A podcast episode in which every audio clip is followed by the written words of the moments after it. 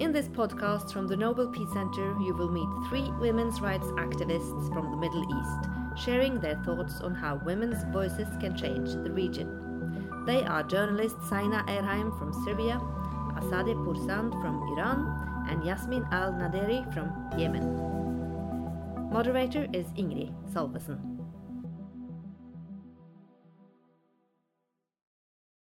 and very happy to have all of you here uh, with us today.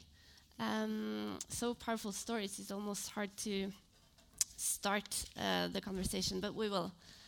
Um, and I uh, thought I should start with you, Azadeh. Um, you mentioned in your talk how it's like to grow up in a family of um, uh, that is very much shaped by the battle for human rights in Iran and that you as an adult also became a part of that battle.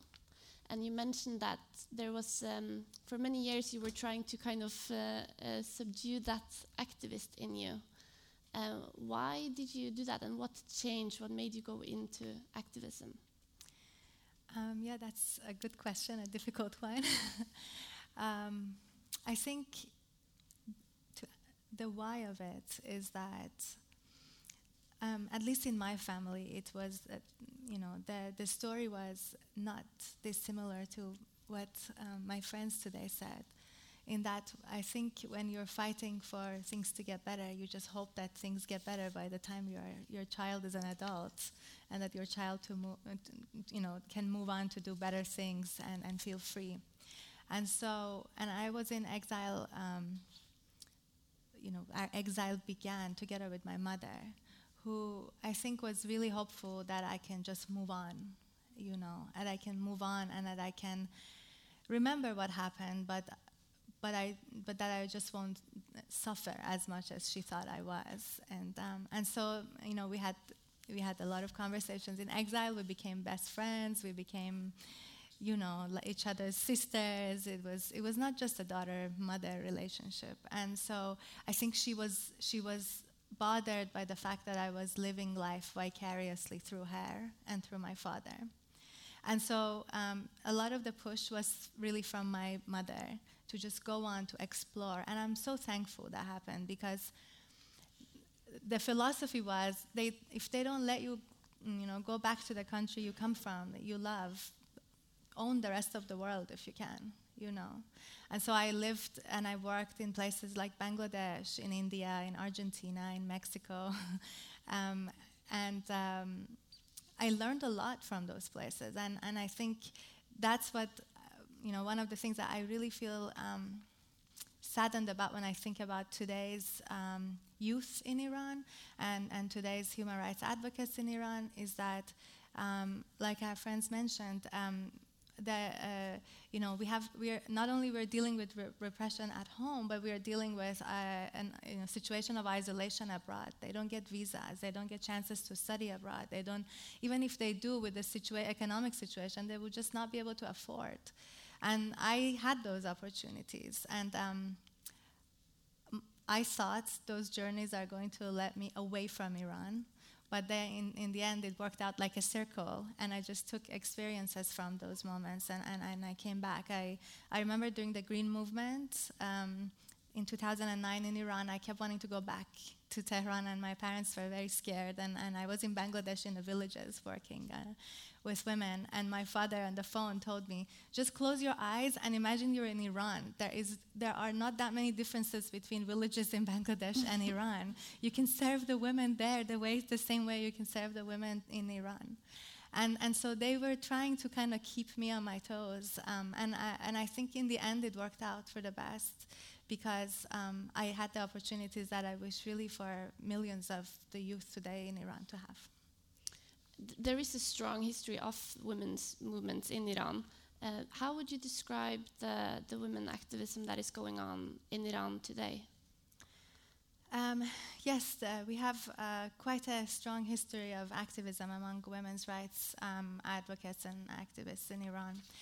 I think the story um, their story, the story of the women's rights struggle in Iran, is quite a long one, so I don't know how to make it short. But um, I, I think of it like this. For, for every single thing that women have been deprived of in Iran, they have found a solution to challenge it for every single and, and it, it, can be from it, it, it doesn't have to be grand i mean we we managed um, in iran women have managed for years and years it's not a new thing it, since almost a week or two or three after the hijab became mandatory in iran the veil became mandatory they began to challenge the, the iranian government by just even the, the centimeter by which their scarf was away from their hair. So, really, uh, the, the, the, struggle began from something as small as that. Um, and and, it, and, it's, to me, it's symbolic for everything else, for, for the, the, the uh, women's rights um, lawyer struggle, for, for um, reforming the laws, um, for um, you know, female athletes, for uh, women artists, for ordinary women. So I think if you look at the Iranian society, you would really see Iranian women as quite present.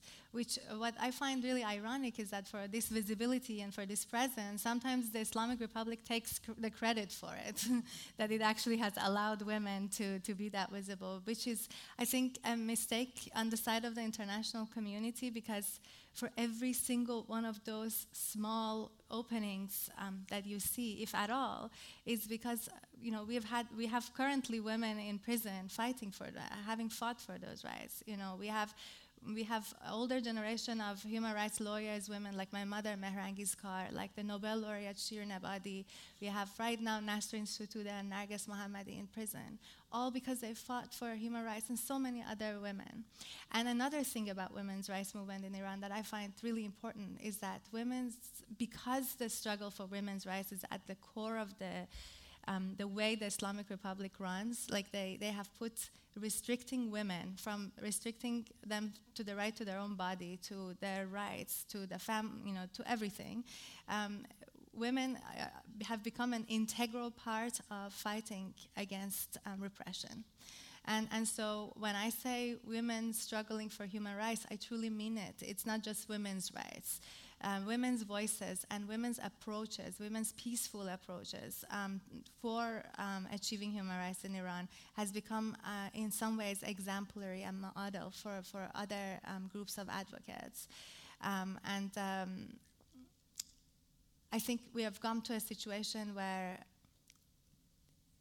in Iran at least, I think, if we see any kind of change, any kind of social change, it will be done by women. I can promise you that. it also links uh, what you were talking about now uh, reminds me of what you were talking about also Zaina of how these women with the lipstick were, were challenging and kind of owning the space and in the streets uh, in Raqqa or in Syria and and uh, your um, work that you mentioned partly in your speech was also um, training uh, citizen journalists and among them also women uh, can you talk a little bit about uh, why was it important for you to train citizen journalists in Syria, and why was it important that women were among that group? We're related to the first part, um, well, when the uprising started, there were very few professional journalists who were daring to report what is happening. So many carpenters, university students start taking their mobile phones and reporting what is happening. At that time, I was privileged that I didn't only had the chance to finish my journalism studies, but also got a scholarship to do my master in Britain. I'm, i did some work as a journalist myself. Then I felt it's really very selfish to be a journalist in those circumstances. Um, I decided that I want to pass over those things that I've learned to the others who are starting to become journalists. So the trainings started with those who have some experience or have been trying or filming or doing citizen journalism. And then after a couple of months, I realized that I'm only training men. And believe me, that was very difficult to be taken seriously by the local men, and I'm a local woman. Uh, by making them being convinced that despite being a woman, I know a little bit more than you. Everything was so challenging. However, I decided that I will invite all of those women who are interested in becoming citizen journalists, or at least just learning what is journalism, um, to the training. The first one I did was uh, with Raed in, in uh, Idlib, and I got 14 women on that first training and plenty of children because none of their husbands or families agreed to care for their children while they're doing a journalism training. So we actually, I, I, had to ask one of them to volunteer and leave the training to babysit the kids because I can't really do anything with nine children jumping in my face. And then I started the training, and then I realized that only two of those women actually had a university degree. Most of them only had the ninth degree because that's when you become 15 and usually are forced into marriage. Despite that fact, at the last day when we were finishing up with a practical story, six of them provided, in my opinion, very professional ones and some stories that I wouldn't even uh, been able to done myself because I don't have that access. Uh, one of the stories was done by a girl named Nasreen. Um, she was like maybe 10 years younger than me and has five kids. And she wrote her story about the rise of domestic violence after the uprising. And she linked it with the frustration for men, for all the frustration which is being taken into the weaker uh, member of the family. And I was very much shocked because she managed to do an interview with the sheikh, with an imam, and in those conservative societies, mainly after the war, it is impossible to see a stranger man, and there is no public space for you to see that man. So I asked her, like, how could you manage to do to get his answers? And she said, well, I thought about it. I don't even have internet to interview him. I don't even know he, if he has a Skype account or whatever. So I wrote the questions for him on a piece of paper, and I sent it with my son to him at the mosque and he read it and he wrote it back and sent it to me. So like physical messenger. However, she managed the story, and this is just to echo what Azadeh has said. Being suppressed in so many terms is teaching you to be resilient, is teaching you to find your ways around that.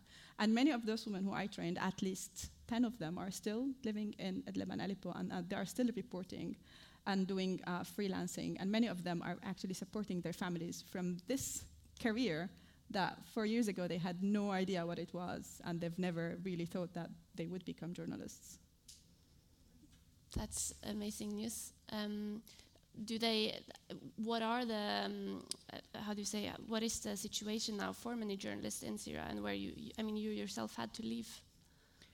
Well, it's difficult to speak about one Syria now. Um, there are different challenges that journalists are facing in the Kurdish controlled, from those who are controlled by the regime, Iranians and Russians, from those who are controlled by Al Qaeda affiliated groups.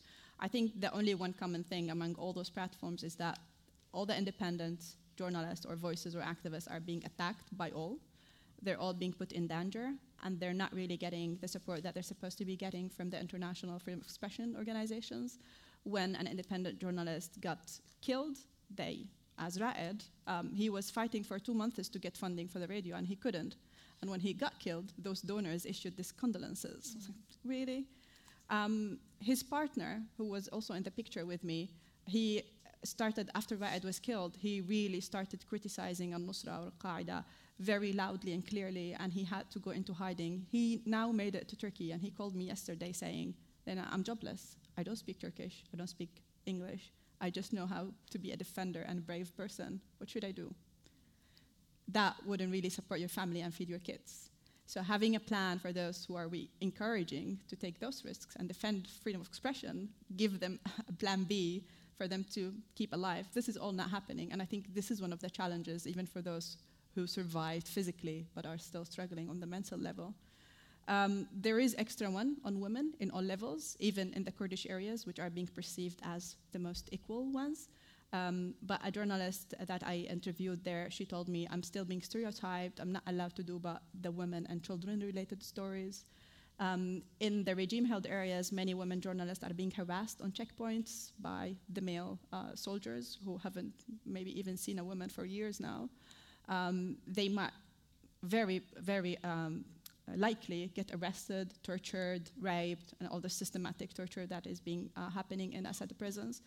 And in the opposition, they might be killing by accident, they might be killing as assassinated. Um, they're limited, uh, their movement is limited. Um, their faces, they all use fake names because they can't really say who they are because it's chaotic. And again, there is no any kind of protection. Uh, Yasmin, speaking of, uh, I mean, echoing both of you of how oppression also teaches you how to deal with it. You created your own women delegation. Mm. Uh, we just heard. Um, I mean, there has been uh, empirical evidence that including women in peace negotiating processes uh, will make it a higher chance of success. But why do you think that women are still not included? Well, because first of all, they're not. I'm not really sure if if if like our presence will make the peace happening very soon, because um, women already now have their national peace and security agenda. They have the very their their recommendations. They know exactly the roadmap towards peace. Um, I mean, if you if you leave it to the choice of the delegations, of course they will not have women among them. Why not? Because because they're more like followers, and like I don't know, it's like you know they're following more like orders that comes from leaders, I would say, but not as a woman. Women are really fighting to have their right to be part of this uh, process and on a local level, as I said, they're doing everything, but still excluded. And what is very disappointing is that they're excluded from the official track, which should be, you know, something that the UN and the international community should be having the women on, talking about empowering women and having the women. How would you empower them if you're not negotiating with those? Uh, delegations to have those women among them. I mean, we had only one woman, and she was nominated by her political party.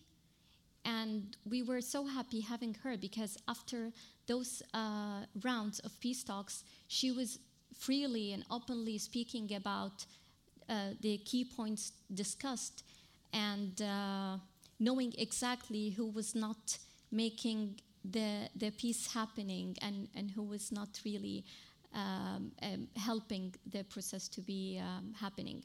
So we have now um, involvement, but indirectly, which is um, the Women Advisory Group, technical group. Uh, they advise the UN Special Envoy, uh, but still, you know, we don't want to be, we need to be on the front line. You know, this is our right. Sometimes it feels like uh, the people are thinking we need to have the peace first and then we can deal with gender equality. This is absolutely not right because mm. if you're speaking about peace building, how would you build a peace without having the woman involved? You know, and um, eh, now we are working on having an independent women delegation. Um, and we're going to call for this until we have it because, I mean, they could have came up with more like ideas like what if um, the two delegations were giving extra seats for women? And if women are not there then they should be empty. They should left empty. Or um, how could we influence on the process? So this is something that we really need to have support at and one reason you are, or the, the reason you're all here today is because you're part of this uh, initiative mm. um, that is also aimed to uh, collaborate between uh, different women activists in the region. Um, and I wanted to uh, uh, discuss this a little bit um, with you. Like, what can be the benefits of collaborating or learning from each other? Are the country situations so specific that it's really hard to to get any, I mean, uh, advice from each other, or? Um, I think we share the same, let's say, obstacles. And um, like this war somehow is like we're key actors too.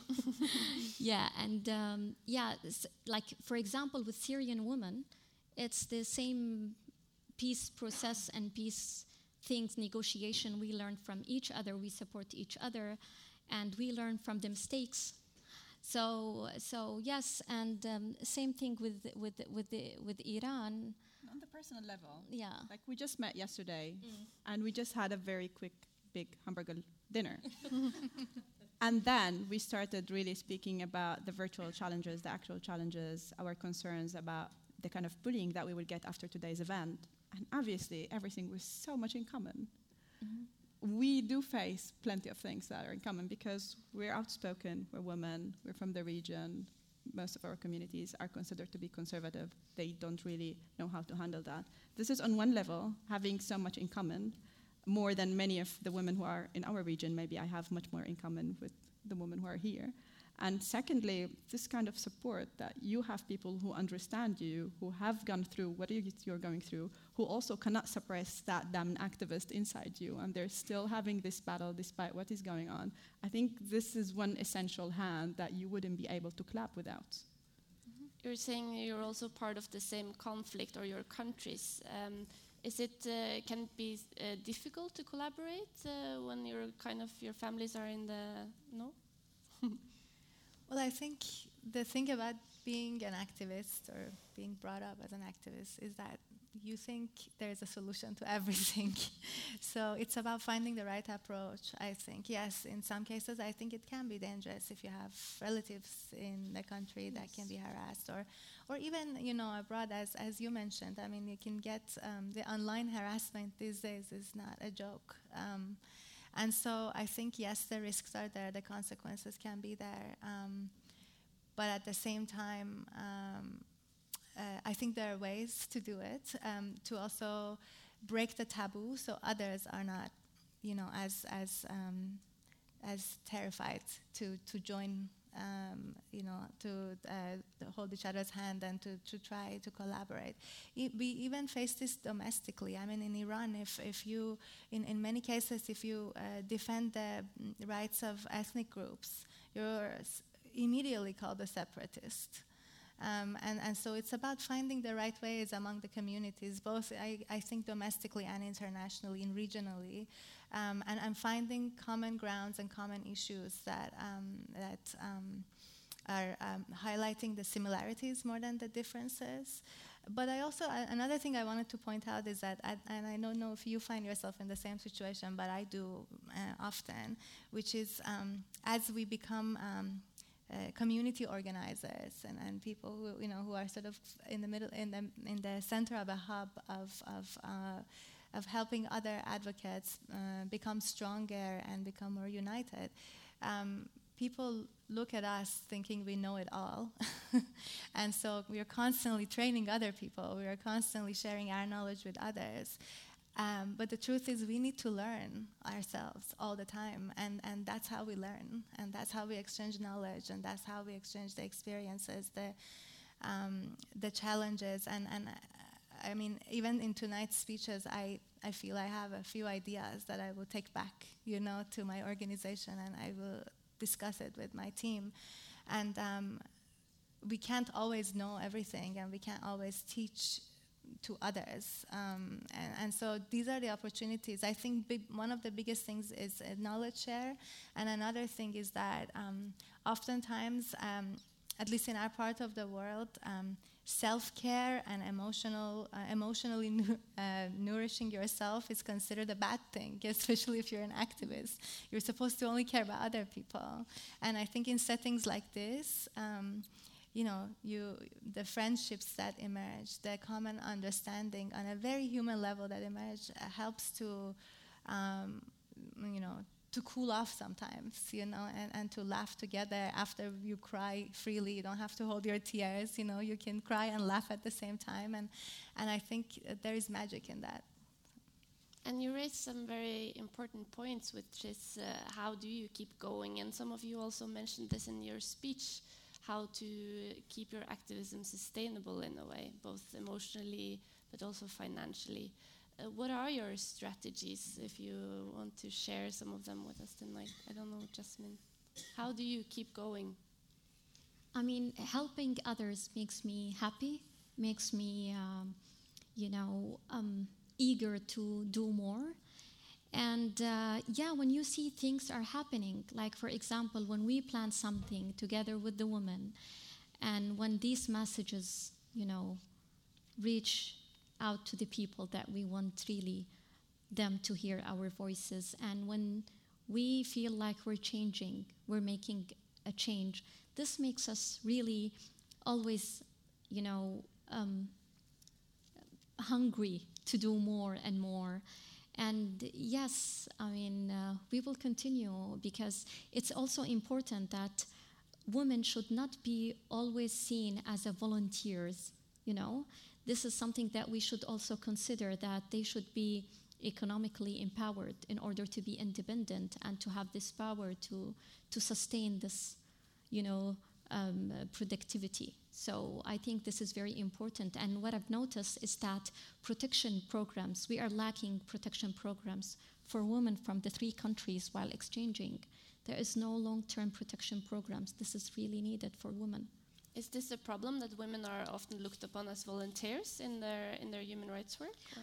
I mean, it, I mean, they, it, it is. It is usually like I don't know, but it's it's like when you see always that women are taking these um, even positions with NG, with international NGOs.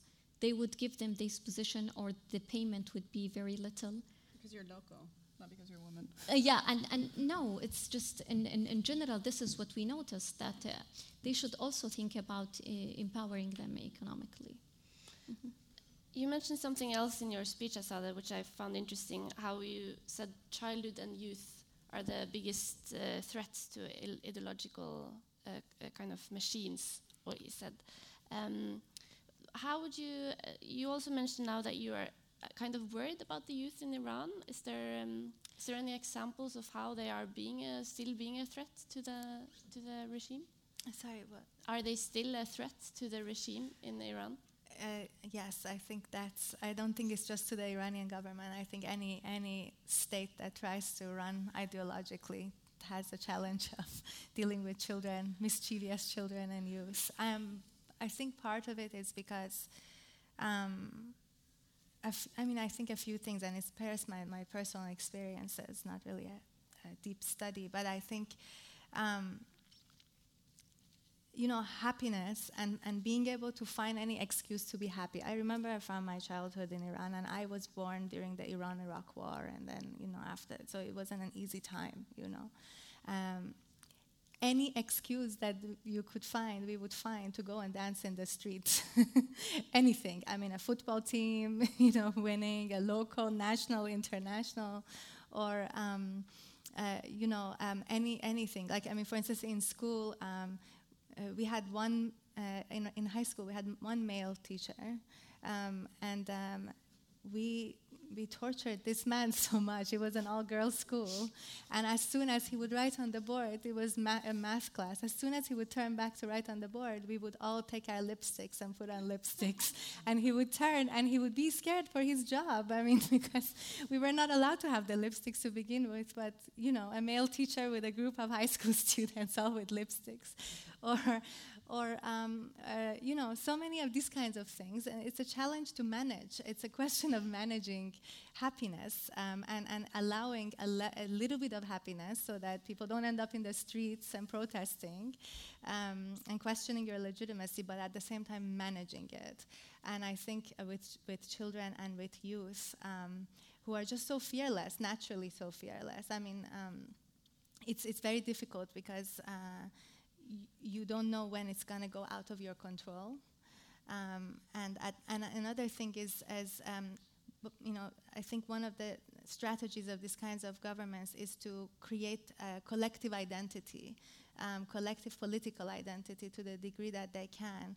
But by the time they can, um, you know, but, but so the brainwashing has to be so strong um, that it, it, it, kind of uh, you know, it has to surpass this natural tendency to be individual, to be individuals, to smile, to play, to, to you know, be a typical unruly teenager, and um, and it's always a battle. I really see it like a battle. Um, um, and at the same time, um, you have to show internationally that um, that you know you take care of your youth, you take care of your children.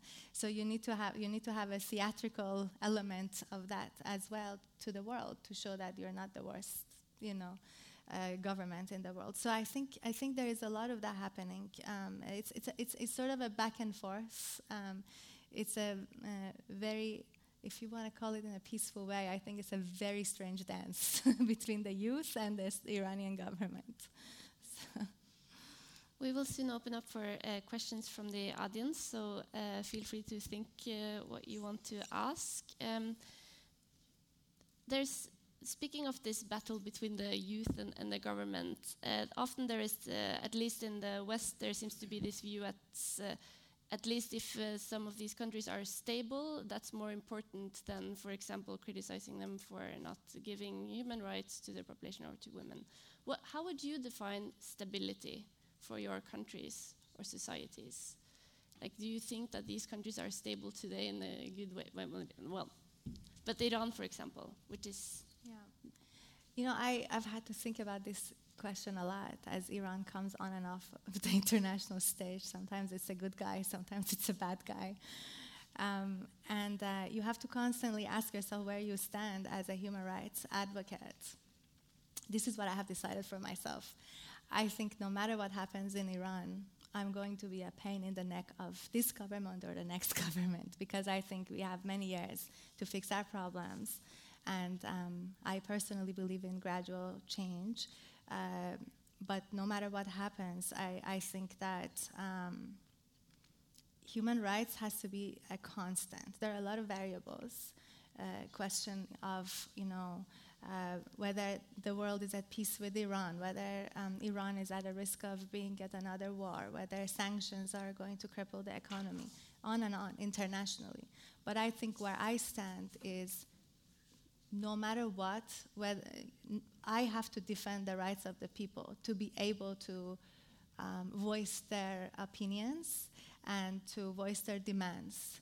Um, and I cannot stop and all the time adjust myself to the next international phase that's going to arrive because I think that just would mean that I'm risking um, uh, I'm risking losing my voice to, to the to the changes of political climate, and also I'm um, I'm risking compromising um, over political matters for human rights. And no matter how politicized human rights as a subject matter has become in the world, I choose to believe that it is it stands much beyond politics, and that um, for myself, I define the role of um, always defending human rights. We have groups, um, sometimes of advocates um, in today's Iran that say because Iran is at a risk of a war or because of international sanctions, um, or the uh, sanctions against Iran, um, and so on, we have to stay quiet about the situation that's happening on the ground. I strongly disagree. I don't think talking about what's happening on the ground is an invitation for a war. I think talking about what's happening on the ground is simply talking about what's happening on the ground and elevating the voices of grassroots advocates who are risking their lives every day. And they have been risking their lives before this situation uh, of the international um, climate, uh, liking Iran or disliking Iran, and they're going to continue. So I think we have to let them lead the way. And uh, letting them lead the way, in my opinion, is consistency and um, continuity in our narrative. So that's where I choose to stand. I see you both are nodding. Is there anything you'd like to add? Well, related to the stability, for me, as I've seen it in the last couple of years, for Europe, stability in Syria is having no refugees coming from Syria to your country, whether they're actually being droned in the Mediterranean, kept in the neighboring countries, or killed inside Syria. So that is the stability that I've seen, um, whether um, in the events where the, the politicians um, are saying, or even like in, in, many of the media outlets that I could read. Um, for, for me, it is really scary that many are now thinking that the war has ended in Syria and it is time to wash Assad and keep the relationships, putting uh, Syria back on the Arab League. Um, like, as if nothing has happened, but there is something that happened, and you can't really run away from it. Um, yesterday, um, two days ago, I had an event with um, the FCO, the British Foreign Ministry, and they were speaking about Syria and that we we don't think about opening an embassy or whatever. And I was like, but you know, you have a, a very unique, high-profile British person who is still in Syria, and unlike like Shamima, um, she also went to Syria. She also got married to a war criminal who is being recognized as a war criminal. Um, she is advocating for that war criminal, and she is the first lady. So while the British government is stripping off like this um, brides of ISIS from their nationalities. No one is speaking about her because she's good looking, she's tall, she's British educated. Sadly, many of the European countries are still dealing with Syria the same way, We know many of those who are from the security forces, like the head of the air forces, even traveled freely to, to Italy. Many of them are coming for shopping for here because they have sanctions to do things online. While the regular Syrian, or someone like me who's advocator, who's known, who's working for an international organization, we always get stripped from the queues, put on the side, interrogated. This system is really very contradicting for me. Like, I, I, I don't really understand it. To conclude, I think there is not going to be any kind of stability, neither in Syria or anywhere in the region, without justice, without accountability, without some kind of solutions for all those refugees who many of them would really come back when they know that they're not going to be arrested on the ways their house are going to be returned to them after being stripped out of them or destroyed. So you can get rid of us by mm-hmm. allowing us to go back. Yeah, with us, I mean, with Yemen, nobody is really bothered by the war in Yemen because we're still seen, we're not categorized as a refugees. We're more like hidden guests. Um, I would not say few doors are open for Yemenis. Mm, not really. Maybe when you reach to Europe, then you're able to seek asylum. But for Yemenis, they like when the war started, they went out, they stayed for like one year, two years, and then they had to go back and, and you know and face death because they have no other option. So nobody's bothered by the Yemeni war. Um, we're not sending out refugees, so things are fine with them. It will continue. So you have stability. yeah. No, no. Depends how you define No. it, I guess. and for who is also like stability for who, right? Not necessarily for the people For, in Yemen. Warlords. Uh, thank you to all three of you um, for everything that you're doing and how extraordinary the, even the way you told your stories has been tonight. Um, Yasmin, I wanted to ask you if you could talk a little bit more about the women's delegation. Um, how have you gone about identifying who would participate? Uh, you mentioned that there's a very clear and strong sense of what is needed. um, if it would just be asked, so I'm not asking you to go through all of it, but could you maybe share some of the things that um, this delegation is advocating for? Um, I'd just like to hear a little bit more about it, if you don't mind. Yeah, so um, we went to Geneva last time. It was before Stockholm. Um, so at that time, it was the Peace Track Initiative only delegation, which I was leading. And the thing is that we were um, not allowed to be in the uh, official venue for the talks, but uh, we were able to conduct uh, sideline meetings with, um, um, you know, with all international actors and ambassadors. We were uh, free to convey the messages of the Yemeni women who were in the ground because uh, before that we did some consultations with Yemeni women. Uh, in which we had like um, groups called uh, uh, uh, peace circles.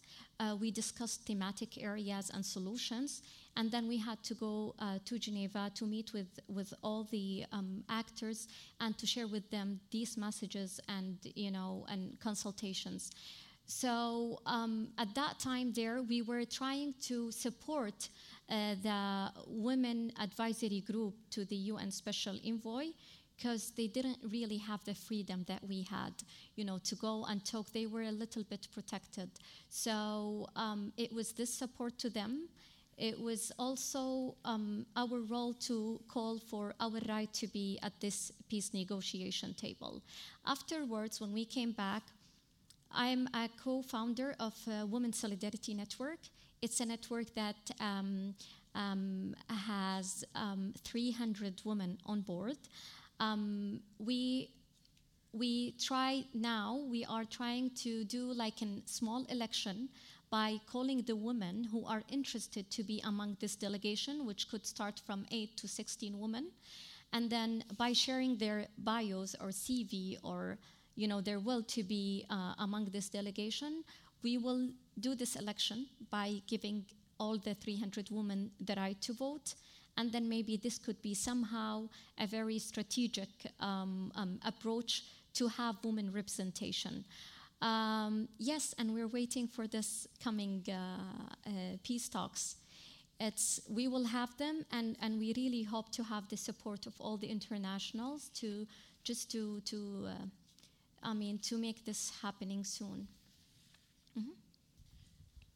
Zaina, not to put you on the spot, but I just love so much of what you're saying, and I'm just going to have to ask you again. Um, but um, there was a bit of what you were discussing in, in, terms of Asma, and also the way that there's a bit of a double standard in how folks are being treated, and what does that really signify.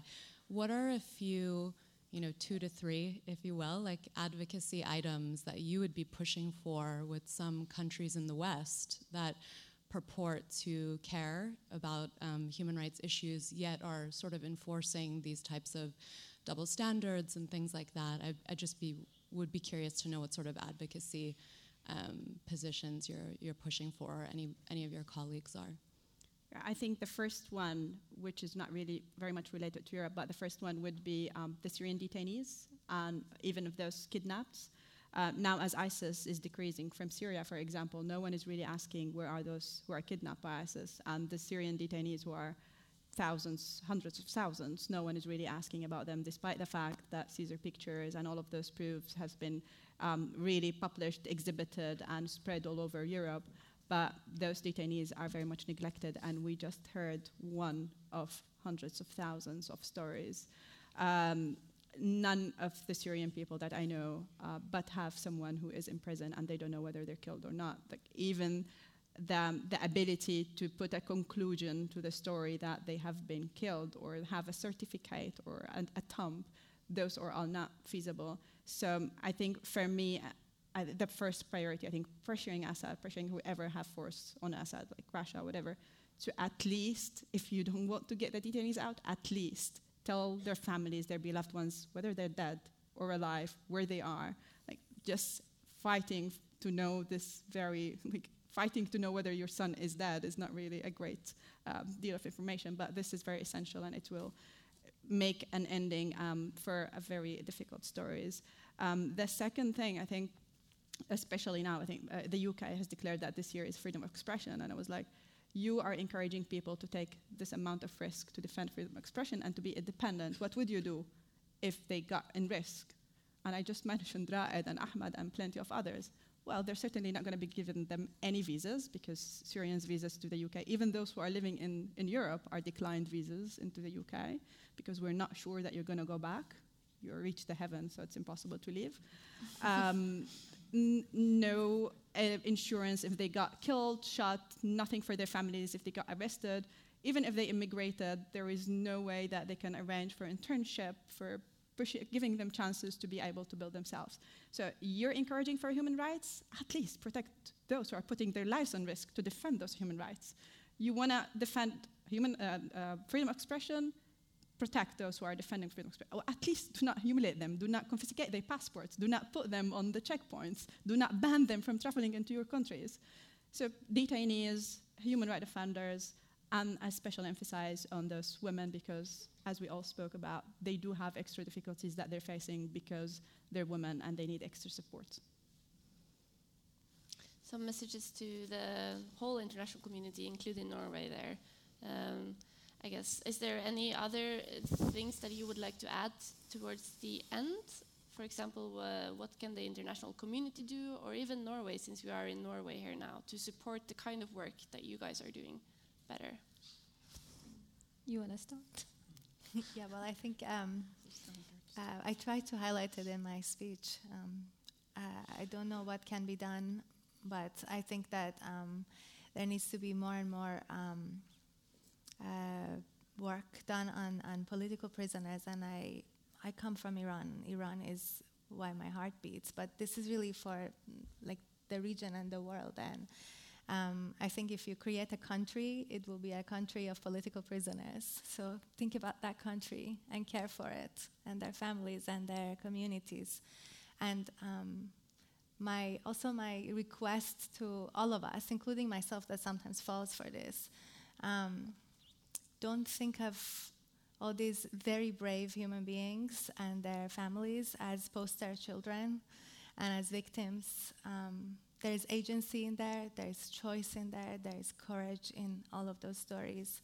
So please, um, when you help to raise awareness about the situation, um, think of them as um, uh, your own people. This was a podcast by the Nobel Peace Center, made in cooperation with Oslo Women's Rights Initiative and Civita.